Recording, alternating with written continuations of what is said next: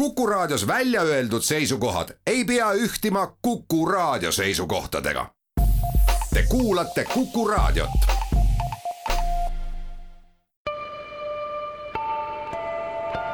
ilmaparandaja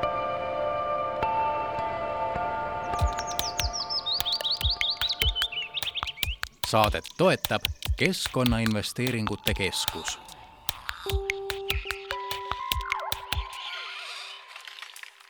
tere, head Kuku raadio kuulajad,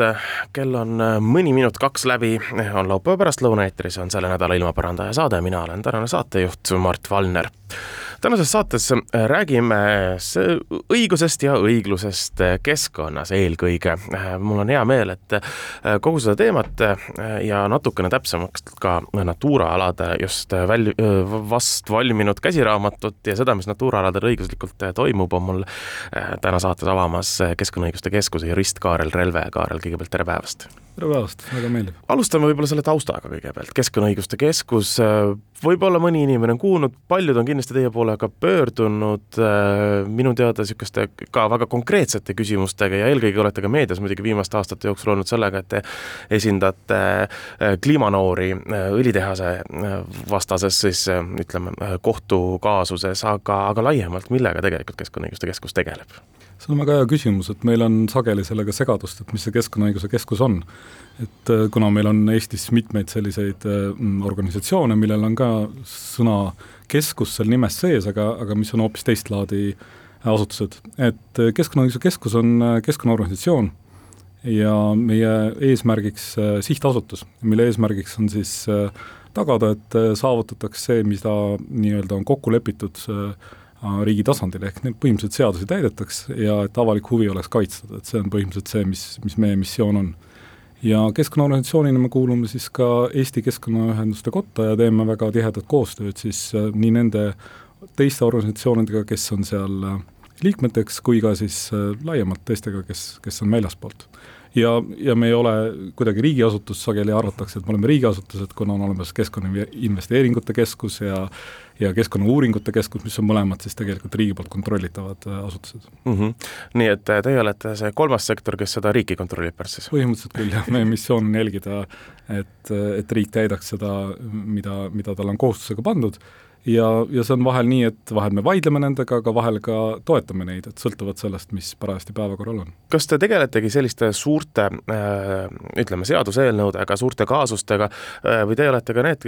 kelle poole saab äh, pöörduda, ma ei, ma ei kujuta ette, kui mul on oma maa peal nüüd mingisugune keskkonnateemaline küsimus, et kas ma siin,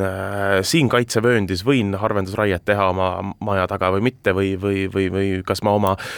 kaitsealas olevat tiiki võin puhastada või mitte ja nii edasi? Jaa, võib ikka sellistes küsimustes pöörduda. probleem on küll natuke selles, et, et kuna me oleme eraõiguslik sihtasutus, siis noh, me saame seda nii-öelda tasuta nõu anda ainult sellest piirides, kui meil on mingi projekt parajasti käimas. ja kahjuks neid projekte, kus, kus siis ollakse nõus rahastama ta-, tasuta õigusnõu väga ei ole mis tähendab seda, et me saame küll nõu anda, aga noh, see on siis meil nii-öelda see tasuline teenus. aga pöörduda võib ikka, et äkki on meil parajasti mingi projekt käimas ja saame, et seesama projekt, millest äh, millest natuke otsapidi te, mida te mainisite, mis kestis meil viis aastat, selle raames meil oli õigus nõu anda, kus me just nimelt mm -hmm. Natura küsimustes andsime kõigile, kes soovisid siis äh, tasuta õigusnõu äh, Natura maal siis tegutsemise osas. no aga, aga läheme selle Natura poole. Äh, esiteks, kui ma olen õigesti aru saanud, täna, kahekümne esimene mai on Natura päev et hea aeg seda Natura teemat natukene sisse tuua ja teil siis sai viieaastane projekt läbi, mida te täpsemalt siis tegite? See oli suur projekt ja me olime lihtsalt üks projekti partner, et äh, tegelikult see põhikoormus oli Eestimaa Looduse Fondil, äh, kes seal projektis siis äh, no, oli nii-öelda põhieestvedaja ja selle projekti mõte oli eeskõi-, eelkõige siis viia seda Natura teemat inimestele lähemale. ehk siis rääkida, mis see Natura on ja, ja meie ülesanne selles projektis, Keskkonnaõiguse Keskuse ülesanne, oli siis eelkõige aidata inimesi siis läbi rääkida äh, ähm, riigiasutustega, et kui on tekkinud mingi probleem, keegi tahab näiteks enda maale ehitada, tahab raiuda, nagu teil see näide oli, Keskkonnaamet mingil põhjusel ei pea seda võimalikuks või, või isegi see ei ole jõudnud võib-olla veel Keskkonnaametisse, selliste inimestel on küsimus, et siis selles osas aidata. ja, ja seal ei olnud ainult, me tegime seda koostöös siis Eestimaa Looduse Fondiga,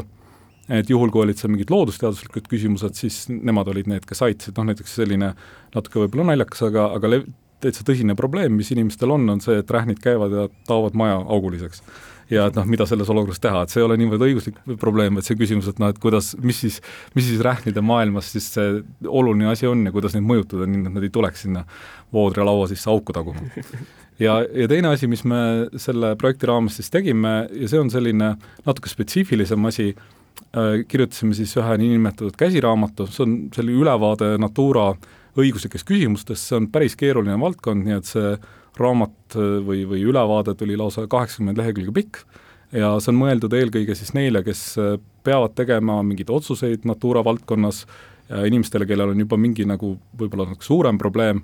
äh, siis et saada sealt siis nagu vastuseid küsimustele, et noh, näiteks küsimus selles, et mida siis ikkagi võib enda maal teha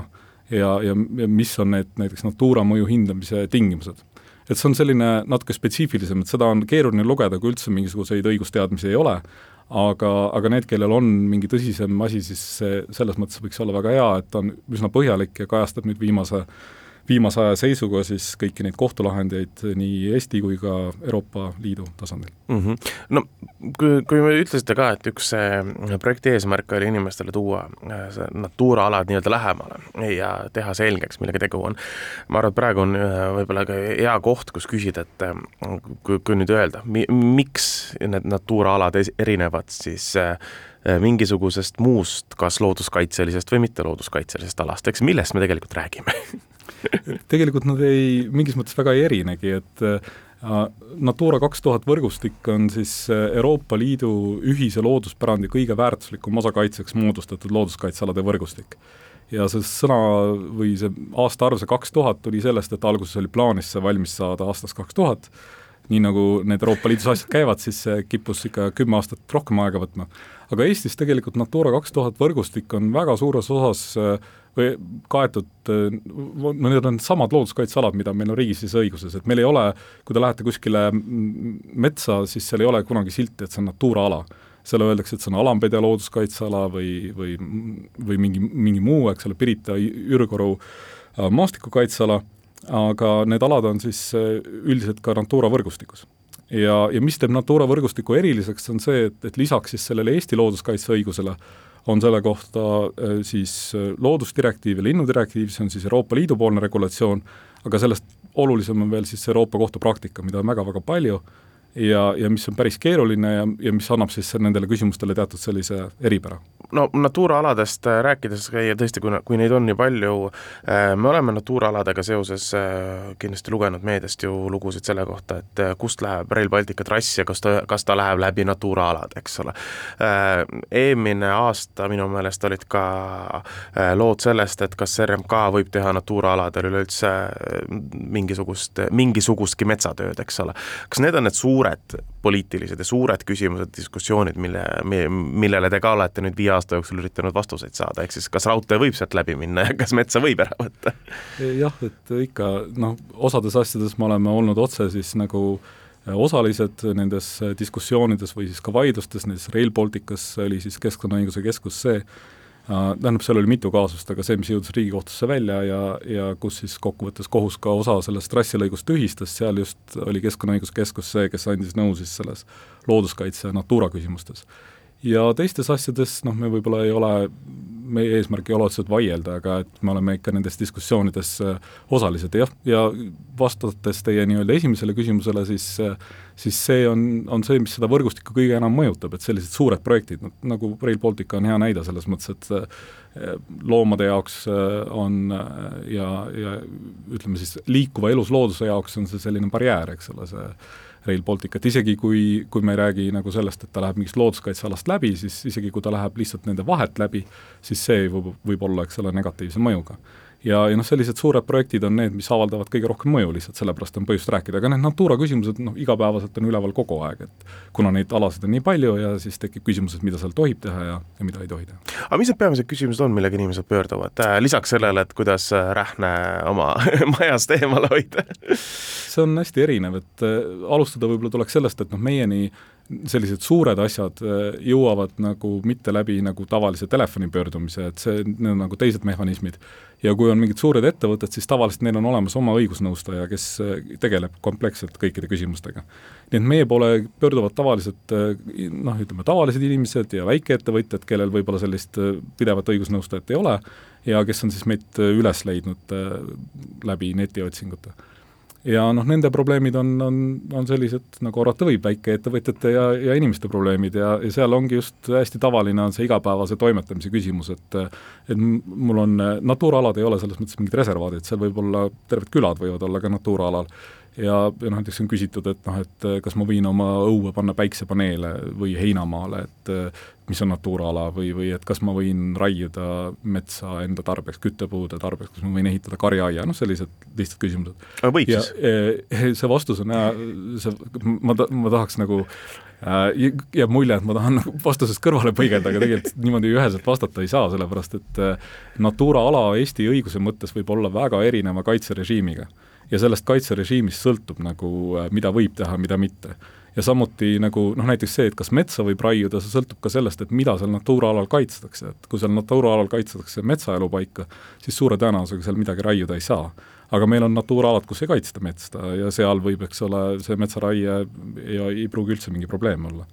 Nii et see vastus on, on väga erinev. Ja noh, et ettevõtjatel on, on, on noh, näiteks sedalaadi küsimused nagu üks, võib-olla üks selline hea näide on see, et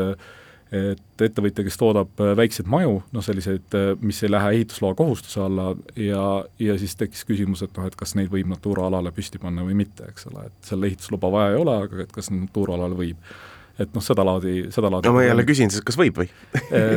Ja vastus on, et sõltub, eks ole. vastus on jällegi, et sõltub, aga noh, ütleme, kõige lihtsam on see, et tasub Keskkonnaameti käest küsida, et igal juhul Keskkonnaameti käest tuleb selle kohta nõusolekut küsida. Ja, ja, ja noh, mõnel juhul siis on see ehitamine ka välistatud, mis siis, et tegemist ei ole siis ehitusloa kohustusega. Äh,, si-, siin just hiljuti oli just meedias äh, kas eile isegi Postimehes võis olla see artikkel selles Äksi poolloodusliku kooslusega alal, see on sihtkaitsevöönd, see on üks väike, eks ole, saar seal Prangli kõrval, ja seal Keskkonnaamet on siis pikalt vaielnud selle üle, et kuna sinna siis omanik ehitas asju, mis Keskkonnaameti arvates seal küll olla ei tohiks. No selle ehitamisega muidugi äh, kahjuks on ju alati räägitud seda, et äh, kui sa ehitusluba ei saa, siis äh, ehita valmis äh, ja ega noh, nii kaugele ikka ei lähe, et keegi sul ära lammutada käsib Need on nagu ekstreemsed olukorrad. ehk siis, äh, siis natuke aega vaidled ja, ja, ja lõpuks äh, omavalitsus kinnitab siis noh, et maja ju on juba olemas seal no see on nii ja naa, et ma elan ise Nõmmel siin Tallinnas ja, ja seal on äh, Sihi tänaval üks maja, mis on praegu vist juba peaaegu kümme aastat niimoodi, et seal keegi elada ei saa, kus oli siis, see ei ole üldse looduskaitse küsimus mm, -hmm. aga mhm. seal siis lihtsalt äh, omanik otsustas, et ta ehitab hoopis teistsuguse maja, kui, kui talle lubatud oli. ja ei, linn ei ole tal lubanud seda seadustada, mis siis, et see on nagu kät-, nii-öelda omanikku vahetanud see krunt ja, ja see ei ole sugugi nii lihtne. ja looduskaitsealal samamoodi, et noh, eks ta kindlasti varieerub, aga, aga Keskkonnaamet võib ikka minna kuni lammutamiseni välja, nii et selle peale nagu väga lootma ei maksa jääda, et saab. Arusaadav, mul tuli lihtsalt üks eh, näide, aga, aga mingid aastad tagasi Tartus Tartus keegi võttis maja vaha, maha, öeldes, et ta renoveerib seda, nii et vundament jäi samaks, aga siis lihtsalt kuuri asemel tuli kolmekordne maja, aga et see oli reno-, ma renoveerisin kuuri jaa, need on väga tavalised skeemid, et siin, noh siin ei ole, eks ole, looduskaitselises mõttes siin yeah. sügisel küttis kirgi see ranna- ja kaldakaitse eelnõu, eks ole, see on veekogude kalla, kallastele ehitamine ja noh, seal inimestel on suur soov kallastele ehitada, kuna noh, see on atraktiivne ja, ja siis noh, neid juhtumeid on väga palju, et äh, kus siis ikka inimesed on ehitanud maju ratastele ja suuskadele ja öelnud, et need on hoopiski äh, sõidukid või, või no mis iganes, et et siis kuidagi sellest nii-öelda mööda saada aga noh, ma ei, ma ei, ma ei soovitaks seda, et et see kokkuvõttes on see närvikulu nii suur, eks ole, et et kas see oli nüüd väärt, eks ole, et et saad seal kohtuvaidluse ajal niimoodi viis või kümme aastat siis võib-olla heal juhul, eks ole, elada ja siis lõpuks ikkagi võib-olla lammutatakse ära, et no. ranna äärde ehitamise mure oli ka loomulikult see, et see viis ja kümme aastat kohtuvaidlust ja ja, ja peamine põhjus, miks ikkagi seda eelnõud vastu ei võetud, nii palju kui keskkonnakaitsjate poole pealt, noh, et me ei tea, kümne aasta pärast võib see äh, auto autoke olla sealt ära uhutud juba või see maapind seal all juba vaikselt ka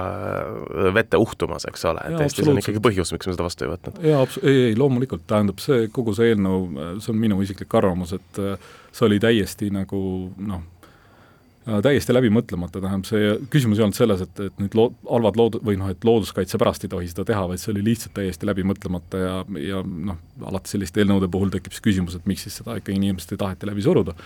Et, et seal on mitu küsimust ja üks on neist see, mida te nimetasite, et Eestis üldiselt ei ole see aluspinnas selline,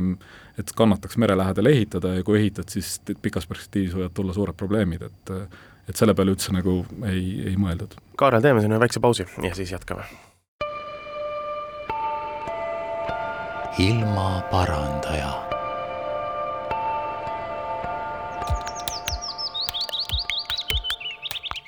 Saadet toetab Keskkonnainvesteeringute Keskus.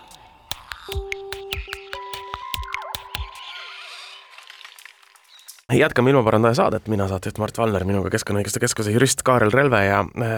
teemaks siis äh, keskkonnaõigused, võib-olla ma alustan niisuguse äh, isikliku küsimusega, et kui jurist nüüd läheb ja mõtleb, et kuhu minna tööle juristina, siis ma millegipärast kahtlustan, et kolmandas sektoris olev sihtasutus, mis tegeleb keskkonnaõigusega, ei ole see, kuhu minnakse tööle, et saada kõrget juristipalka äh,. miks te olete keskkonna kaitsmise peale või just sinna suunda spetsialiseerunud? no kuidagi on lihtsalt niimoodi läinud, mina ise küll ei arva, et ma kaitsen keskkonda, vaid ma pigem kaitsen inimest tema keskkonnas. ja, ja noh, sageli keskkonna valdkonnas on probleemiks see, et et tahetakse teha mingit otsust, mis noh, on kellelegi kasulik või võib olla isegi ühiskonnale kasulik, aga nendele inimestele, kes selles konkreetses kohas elavad, üldse mitte. Ja, ja noh, klassikaline näide Eestis on, on kaevandused või, või siis ka taristuobjektid, et noh, võib ju öelda, et, et kui äh, Tallinn-Tartu maantee ehitatakse sirgemaks ja inimesed saavad viis minutit kiiremini Tartusse, siis kui me nüüd kõik loeme kokku, palju seal inimesi sõidab, siis see heaolu kasv on suur, aga kui kellegi noh, maja kõrvalt, eks ole, läheb see tee läbi, siis tema elu põhimõtteliselt äh, selles kohas ei ole üldse enam see, mis ta varem oli. Ja noh, samamoodi kaevandustega, et, et on olnud siin juhtumeid, kus öeldakse, et kõik on ju korras, et noh, et isegi Äh, veoautod küll sõidavad, aga noh, see jääb ju kõik, eks ole, müranormide piiresse, aga tegelikult äh, olukord on see, et elasid kuskil ütleme siis looduskaunis mahajäetud piirkonnas, kus praktiliselt liiklust ei olnud ja nüüd hakkab järgmised viisteist aastat iga viieteist minuti tagant kallur su maja tagant läbi sõitma, et täislastis, nii et noh, see vahe on ikka väga suur. nii et, et sageli me tegeleme pigem nagu nende küsimustega mm., mitte niivõrd sellega, et kas mingit lindu või looma kaitsta, vaid just inimest tema nagu elukeskkonnas. aga muuhulgas ka seda, seda keskkonda, keskkonda siis üldisemalt, et, et ma, ma tahaks ka ühe asja ära öelda, et sageli nagu mõeldakse, et nagu looduskaitse, see on kuidagi nagu noh, et see on nagu ma ei tea, Vabadussõja monumendi kaitse, et see on noh, mingisugune lendorav on seal metsas, kes on väga väärtuslik ja, ja sellepärast me seda kaitseme, aga ja noh, eks inimesed näevadki seda erinevalt, aga minu jaoks me kaitseme loodust ikka sellepärast, et see on nagu meie inimeste enda elu alus. et äh, kõik need asjad, mida meil on vaja esmaselt äh, püsima jäämiseks, ehk siis õhk, äh, mida me hingame, hapnik vesi, toit, need tulevad kõik äh, keskkonnast, need on äh, nende looduslike protsesside tulemus, me ei saa neid tehasest toota. ja see on põhjus, miks me tegelikult minu arvates loodust kaitseme, et ka need Natura võrgustik on lihtsalt selleks, et säilitada seda mitmekesisust, säilitada seda looduse elujõulisust, et me saaksime ise inimkonnana edasi kesta mm. -hmm. kas sellised äh kaasused nagu täpselt see, et minu majast hakkavad kallurid mööda sõitma või minu maja kõrvalt hakkab minema äh, raudtee, maantee, mis iganes, kas see on kuidagi juriidiliselt äh, pädev põhjus midagi, äh, mõnda ehitust takistada? no ma ei tea, kas takistada on õige, aga kindlasti on õigus nõuda, et, et tema, selle isiku õigusi arvesse võetakse. et seal võib olla nii omandiõiguse küsimus, seal võib olla siis see nii-öelda kodurahu küsimus, seal võib olla ka veel midagi muud noh, meil on see lisaks muudele on meil olemas selline ilus õigus nagu õigus tervise ja heaolu vajadustele vastavale keskkonnale, mis, mis reguleerib eelkõige seda, et, et ei tekitaks neid äh, selliseid mõjutusi, mis ületavad siis neid norme, mis on ette nähtud, kas müranormid või, või midagi muud. ja, ja kindlasti jah, tähendab, see on koht, kus inimesel peab olema võimalus kaasa rääkida ja tema nagu seisukohti tuleb ka ära kuulata ja noh, neid tuleb leida siis nii-öelda õiglane tasakaal nende huvide vahel. et see kahjuks kipub jah, tihti juhtuma, et, et need inimeste huvid kiputakse ära unustama, et teie ütlete, et teie kaitsete eelkõige inimesi keskkonnas, mis on täiesti õige äh,. Läheks selle keskkonnakaitse, see, ma saan aru, et filosoofilisema teema poole siis nüüd natuke edasi, et äh, oma sünnipäeval ka tegite, korraldasite vestlusringi nüüd küll poolteist aastat tagasi umbes äh, teemal, et kas loodust ja loodusobjekte peaks saama kuidagi ja kes peaks neid juriidiliselt kaitsma, sellepärast et ühel jõel, eks ole, ei ole ei võimalust ega finantse, et palgata endale advokaati või ühel tammel või, või, või mis iganes kes, kas ja kes peaks äh, tegelema selle nii-öelda mingisuguse ühe konkreetse loodusnähtuse juriidilise kaitsmisega. või on see täiesti niisugune, ongi filosoofiline ja, ja selline, et noh, niikaua, kuni me hoiame keskkonna korras, nii kaua me teeme kõik endast oleneva ja, ja niisugune, nii, niisama selline mõte. Noh, minu jaoks see filosoofiline pool on pigem nagu selles, et et mis üldse noh, milline peaks olema inimese suhe elus loodusesse,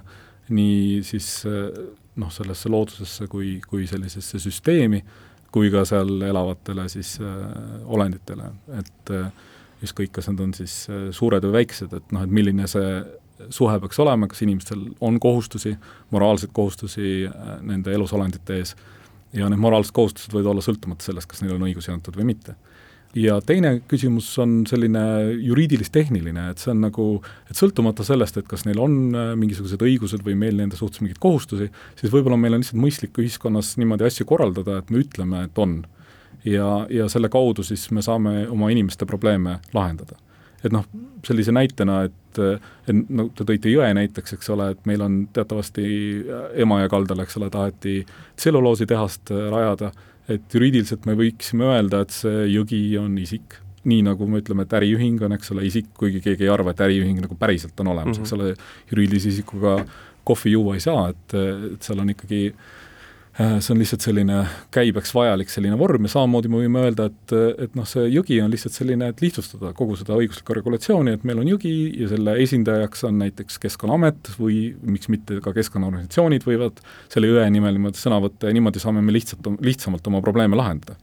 aga seal taga ei ole siis seda nagu kaalutlust nagu Uus-Meremaal, kus jõgi on isik mitte lihtsalt sellepärast, et nii on mugavam, vaid ka selline sügav selline religioosne nagu äh, maa, maausuline meie mõttes siis tõekspidamine, et jõgi ongi persoon mm. -hmm. no me oleme ikkagi ju väga äh, traditsiooniliselt maausku äh,, kui me võtame oma hiietammid ja ja, ja väga palju pühapaiku on ju Eestis äh, looduses, mis on, neid on registreeritud, suur osa nendest äh, vanadest hiidest on ju ka looduskaitse all, aga, aga minu teada mitte kõik, eks ole. et eks see, see on ka kindlasti üks, üks pool, aga, aga, aga siis tekib võib-olla ka küsimus, kui kaugele selle kaitsmisega minna Äh, noh, et kas, kas muru niitmine on äh, nüüd äh, noh, vägivald väga miljonite isikute vastu või peaks kaitsma nii-öelda aasa, eks ole, kus see muru on või, või kuidas see, see nagu nojah, selliseid äh, igasuguseid konstruktsioone võib välja mõelda, aga ma arvan, et et ikka väga raske on leida seda inimest või mõtlejat, kes arvaks, et muru ei tohi niita, et äh, aga mõistuse piires loomulikult, et no. jah, et noh, et, et ja noh, see tegelikult, see küsimus tekib ka praegu, et et kui me räägime nagu sõltumata üldse sellest, et kas on siis sellel murul mingid õigused või mitte, eks ole, siis keskkonnakahju mõiste on sageli niimoodi määratletud, et seal tekivad need probleemid, et noh, et et, et kas nagu mis tahes nagu äh, keskkonnaseisundi muutmine, kas seda saaks käsitleda kahjuna. ja, ja noh, noh, kas või inimeste vaatepunktist ja no muru niitmine üldiselt selle alla ei käi, aga noh, kui me läheme mingisuguste noh, suuremate niitmiste peale, nagu näiteks metsamaha niitmine ehk lageraie, noh siis juba need küsimused tekivad, eks ole, et kas seda peaks lubama või mitte. nii et noh, ma arvan, et nii kaugele küll keegi ei lähe ja eks ta üks põhjus olegi see, et miks seda, miks seda nii-öelda moraalset kohustust, miks selle üle vaieldakse, tähendab, selle üle on hästi palju erinevaid arvamusi ja ka õiguslikus mõttes äh,, ongi see, et noh, seda piiri on nagu raske tõmmata ja üleüldse on nagu tegelikult probleem selles, et, et nagu see loodus kui selline süsteem, mis tegelikult noh, minu arvates vajab kaitset, et see nagu ei mahu hästi sellesse tavalisesse õiguslikku käsitlusse nagu õigussubjektidest ja ja omavahelistest suhetest, et see ikka lähtub sellest, et on nagu inimesed, kes on need ratsionaalsed agendid, kes nii-öelda tegutsevad äh, eelkõige oma huvide nimel, et, et kõik on nagu üles sellele ehitatud ja siis on raske sinna panna nagu midagi sellist äh, juurde ja noh, tüüpiline näide on ka see, mis Eestis sageli tekib, et et kui on kellelgi looduskaitsealune maa, eks ole, ja, ja siis noh, inimesed suhtuvad sellesse küll väga erinevalt, et meil õigusnõude anda raames oli päris palju selliseid juhtumeid, kus inimesed ütlesid, et nad tahaksid oma maal loodust kaitsta ja nad ei sooviks, et nende maale ehitatakse kuivenduskraavi äh,, või et nende naabrimaal ei toimuks raiet, et mida nad nagu teha saavad, et päris palju on tegelikult selliseid inimesi ka Eestis. aga on loomulikult ka neid, kes tunnevad, et see looduskaitse lihtsalt piirab neid, et, et noh, see on nende maa ja nendel peab olema seal õigus, eks ole, teha, mida nad heaks arvavad. ja noh, selles kontekstis ma tahaks meelde tuletada, et Eestis ei ole küll loodusel õigust, aga Eesti on üks väheseid riike maailmas, kus on keskkonnaalane põhikohustus. kus on öeldud meil põhiseaduses siis, et igalühel on kohustus siis keskkonna nii looduskeskkonda kui inimese elukeskkonda siis äh, säästa ja hüvitada sellele tekitatud kahju ja samamoodi siis põhiseaduse äh, omandiõigust käsitlev säte ütleb, et omandit ei kasutada üldist huvide vastaselt. ja meil Riigikohus siin eelmise aasta suvel äh, ka käsitles seda küsimust, et noh, et kuhu maale siis võib omandipiirangutega minna ja, ja põhimõtteliselt Riigikohus leidis, et, et võib küll piirata omandit siis keskkonnakaitse eesmärkidel tingimusel, et sellega ei kohelda siis, siis inimesi ebavõrdselt, et ei ole nii, et kogu see keskkonnakaitsekoormus jääb siis mingitele inimestele. ja, ja sellega ma nüüd ei taha küll öelda seda, et, et nüüd kõike peab nõus olema, mida, mis piiranguid nagu maale pannakse, vaid lihtsalt see on ka sellise tasakaalu leidmise küsimus, et et seal isegi, kui me ei räägi looduse õigustest, siis ikkagi tekib see üldise ja erahuvi vastase nii-öelda tasakaalu äh, leidmise koht, et noh, et omandiõiguse puhul ka ju keegi ei arva, et ta võiks enda maal, noh näiteks enda korteris äh, teha, mida ta iganes tahab öösel kell kolm, eks ole, et politsei tuleb kohale selle peale. ja sama kehtib ka nagu enda maal toimetamise peale, aga, aga jah, küsimus on selles, et kus need piirid on ja Eesti muidugi üks suure probleeme on see, et et sageli nagu kipub olema niimoodi, et, et see keskkonnapiirangute äh, noh, kandmine jääb siis nagu mingite maaomanike kanda ja siis nad tunnevad, et nagu noh, neid koheldakse kuidagi ebavõrdselt, et aga, aga nagu veel kord, tegelikult on ka inimesi, kes, kelle jaoks üldse probleeme ei ole ja kes vastupidi, tahaks võib-olla veel rohkem enda enda maad kaitsta, loodust tähendab siis enda maal kaitsta. see on noh, arusaadav, et mõlemat sorti inimesi on. siin vist tekib ka see pro probleem, kus tulebki nii-öelda teadlased, keskkonnakaitsjad ja juristid omavahel kokku saada, et mis hetkel on nii-öelda kohaliku keskkonna kaitsmine versus äh, äh, suuremalt kliima, mis on ju äärmiselt keeruline struktuur, eks ole, et et äh, kui kohaliku noh, nii-öelda kas kohalike inimeste ja kohaliku keskkonna rikkumine näiteks luues sinna mingisugused ütleme, kerge tööstuse, mis toodab midagi, mis hoiab kokku äh, CO2, tõmbab kokku CO2 kliimast, näiteks aitab kliimamuutuste vastu, kas see et ka, mis omakorda siis ju kohalikku keskkonda suures plaanis kas ohut-, ohustavad või, või aitavad kaitsta, eks ole, et et kus see nii-öelda tasakaalupunkt seal leida, eks ole no, no ma usun, et, et sellise arenduse vastu ei ole nüüd küll ka kellelgi mitte midagi. et kui me räägime praegu sellest maailma nii-öelda kliimaprobleemidest ja see, mille vastu võideldakse, Äh, siis need on ikka väga suur, noh, väga välg-, väga selged eksessid, et nagu see on olukord, kus me kõik oleme aru saanud, tähendab kõik muidugi liialdus, on ju, aga ütleme siis et, et üheksakümmend viis protsenti teadlasi ütleb, et on, on see probleem, eks ole, inimese poolt põhjustatud. Ja siis me endiselt äh, hakkame naftat puurima ja me endiselt ei tõmba oma tarbimist kokku ja noh, sellisel suurel skaalal, et nagu noh, nii nagu see õlitehase rajamine Eestis on, et me teeme nagu investeeringu, suure investeeringu, mille küljes me siis oleme väga pikalt, eks ole, me ei saa seda nagu hiljem lihtsalt ära lõpetada, see oleks nagu raha raiskamine, ja, ja lihtsalt nagu selle arvestusega, et noh, võtame maksimumi välja, eks ole, sellest äh, ressursist, mis meil on, ja tühja sellest, noh, et mõisaköislas löi-, lohiseb, see on mm -hmm. siis mhm. nagu see globaalne. et me ei räägi sellisest kohaliku tasandi väikearendustest, kus arvestatakse ka juba seda kliimamõju, et noh, need on, ma arvan, teretulnud nagu kõigi, kõigi vaatest, et no arusaadav. Kaarel Relva, aitäh täna tulemast, äh, väga põnev oli seda keskkonna ja, ja keskkonnaõiguse arutelu pidada, ma saan aru, et kui kellelgi on keskkonnateemalisi küsimusi, siis endiselt äh, Keskkonnaõiguste Keskuse poole võib pöörduda oma küsimustega, kuigi Natura projekt sai läbi, äh, Natura alade tasuta õiguskaitset või õigusnõu praegu enam ei saa, aga aga suur tänu, et meid saatesse kutsusite ja, ja oli meeldiv rääkida, tänan! aitäh! ilmaparandaja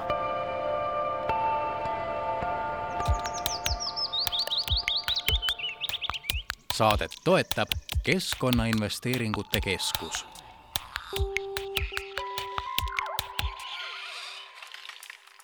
Veljo Runnel räägib Kõrv looduses rubriigis äh, natuke looduskaitsest, kuna algas ju looduskaitsekuu, aga ka kahest liigist, merikotkast ja mudakonnast. kõrv loodusesse. Maikuu on looduskaitsekuu ja mul oleks ka siis rohkem põhjust rääkida looduskaitsest looduskaitse kui tegevus või nähtus on midagi sellist, millest ilmselt on erinevatel inimestel väga erinev arusaam. ja võib-olla üks äärmuslikum näide on selline, et looduse kaitsmises nähakse ainult haruldaste või vähearvukate liikide hoidmist ja säilitamist, umbes samamoodi nagu kollektsionäär oma kollektsiooni eriliselt haruldasi või erilisi isendeid kogub ja, ja siis neid seal hoiab ja imetleb tegelikult me ei saa ühtegi liiki keskkonnast ju eraldada ja tegeleda mingi abstraktse liigikaitsega, lastes samal ajal ümbritseval looduskeskkonnal hävineda. ja ka inimene kui liik on ju kujunenud viljaka looduskeskkonna tingimustes, kasutades oma õitsenguks teiste liikide pakutavaid ressursse, kas siis näiteks ökosüsteemides tekkinud viljakat mulda või mitmekesist toidubaasi tuhandete taime- ja loomaliikide näol aga praegu oleme me loomas sellist olukorda, kus me kasutame peaaegu kogu planeedi loodusressursid enda ühe liigi hüvanguks ja selle käigus hävitame ka meile kui liigile vajaliku tervikliku keskkonna. Nii et varsti võib-olla tähendab looduskaitse hoopis mitte teiste liikide kaitset, vaid ka inimese kui liigi kaitset ja selleks on meil vaja kaitsta ka meid ümbritsevat loodust seni aga, kuni see äärmuslik olukord veel veidi eemal asub, tegeleme teiste liikide kaitsmisega. Eestis on mitmeid haruldasi või haruldaseks jäänud liike, kelle kaitsega aktiivselt tegeletakse ja osade liikide juures saame rääkida ilusatest edulugudest ja võime rõõmustada, et liigil läheb hästi. üheks selliseks võiks pidada merikotkast merikotkas on Eesti aladel olnud päris põline haudelind ja tema luid on leitud ka arheoloogilistest leiukohtadest. parimatel aegadel, kui inimasustus oli veel hõre, siis võis teda pesitseda meie alal nelisada kuni viissada paari. Kui aga inimene järjest hõivas rohkem looduslikke elupaiku ja ka röövlinde vaenama hakkas, mitte ainult merikotkast, aga ka teisi, Äh, kotkaid ja kullilisi ja ka tegelikult vareslasi, siis ähm, selle käigus hakkas ka merikotkal halvemini minema ja lõpliku põntsu pani talle Teise maailmasõja järgne kloororgaaniliste ühendite lai kasutus. Neid kasutati siis väga erinevateks otstarveteks, aga üheks kõige kurikuulsamaks on muidugi DDT, mille kahjulikud mõjud selgusid alles palju hiljem ja tegelikult mitte ainult äh, teistele liikidele, vaid ka inimesele kahjulikud mõjud. ja kõige selle tulemusena võis äh, tuhande üheksasaja viiekümnendate aastate lõpus Eestis elada vaid umbes kolmkümmend paari merikotkaid ja mitmel aastal järjest ei lennuvõimestunud mitte ühtegi poega ja needsamad kloororgaanilised ühendid mõjutasid nimelt lindude munakoorte paksust ja need kuhjusid eriti need ained just röövtoiduliste olendite või organismide kehasse läbi siis eelnevate toiduahelate järjest, järjest niimoodi akumuleerus ja ja nendel avaldus see kõige rohkem. ja veel mõnda aega läks merikotkal kehvasti, kuigi DDT ja teiste ainete kloororgaaniliste ühendite kasutamine lõpetati siis ähm, tuhande üheksasaja kaheksakümnendatel aastatel või õigemini päris seal alguses oli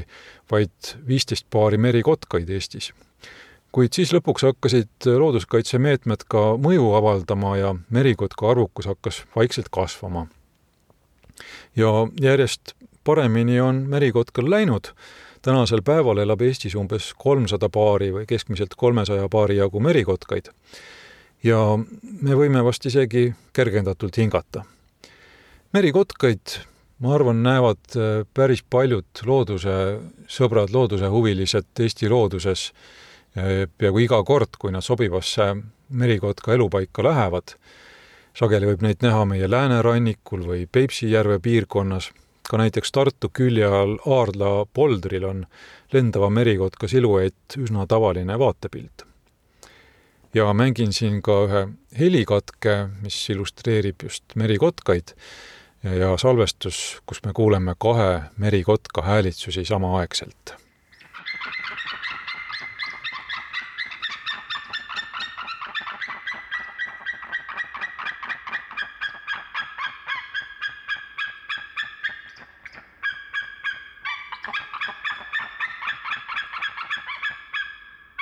on selliseid liike, kes elavad Eestis oma levila piiril, on üsna haruldased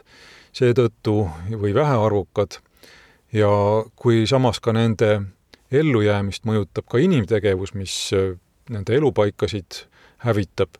siis võetaksegi ette ka selliste liikide kaitse. ja näiteks võib tuua mudakonna, üsna veidra eluviisiga kahepaikse, kes kaevub maa sisse ja laulab mulksuvat laulu veekogude põhjas. tänu sellisele veidrale eluviisile on mudakonna nägemine paras õnneasi, sest suure osa oma elust veedab ta inimsilmale varjatult.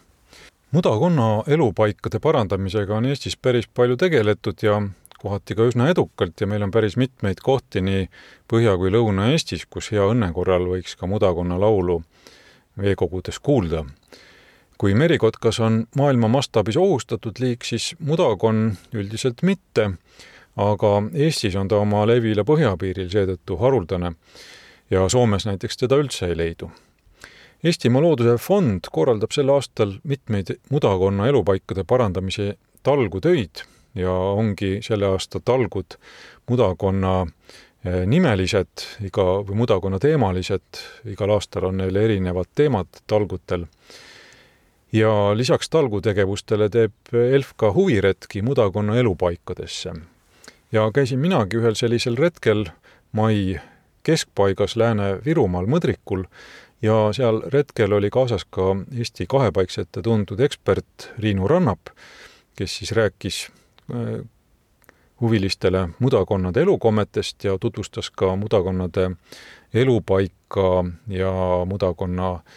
ja kaitset, kuidas, kuidas kaitstakse ja elupaikasid taastatakse. ja loomulikult retkelistel oli ka lootus või vähemasti põues oli lootus kuulda mudakonnade laulu ja me sättisimegi oma saabumise hilisematele õhtutundidele, siis on lootus mudakonna mulksuvat laulu kuulda ka ehk suurem. aga paraku, nagu selle aasta maikuu juba on oma jahedate ilmadega venitanud päris mitmete liikide sigimisaega hilisemaks ja taimede tärkamisaega hilisemaks, siis ka mudakonna laulu ei õnnestunudki kuulda. ragistasime seal pealampide valgel veekogu kaldapiiril, otsisime konnasid ja kuidagi läbi ime leidiski üks reisil kaasas olnud äh, usin poiss äh, tillukese mudakonna. said kellegi kätte? kes see? see on väike mudakonn jaa. ja ta on väike, ta on täiskasvanud isendid on kaks korda suuremad või? no ja, ja ta on eelmise aasta konn. issand jumal, sa oled ikka tal on pupillid teistpidi vist. ma ei tea, kui nüüd on mingi auhind, siis see on nüüd küll peaks sulle kuuluma. nõnda jäi meil seal jahedal maikuu õhtul mudakonna laul kuulmata aga ma mängin siis kompensatsiooniks ette ühe helisalvestuse ühest varasemast maikuust Karulast, kus oli tõesti soe õhtu ja soe öö ja kuulete siis mudakonnade koputavat laulu, mida, mida isased mudakonnad siis veekogu tiikide põhjas teevad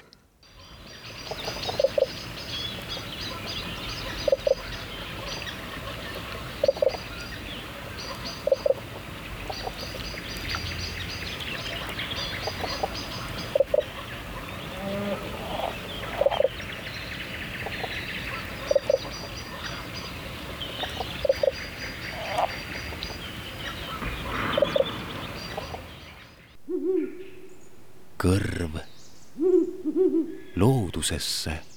selline oligi selle nädala ilmaparandaja saade, loodan, et teil oli sedasama põnev kuulata, kui minul seda teha ja kokku panna. ilmaparandaja ise on jälle eetris natuke vähem kui nädala aja pärast, aga ärge siis unustage ka selle nädala jooksul enda ümber ringi vaadata, et leida viise, kuidas ilma parandada. saatejuht oli täna Mart Valner. ilmaparandaja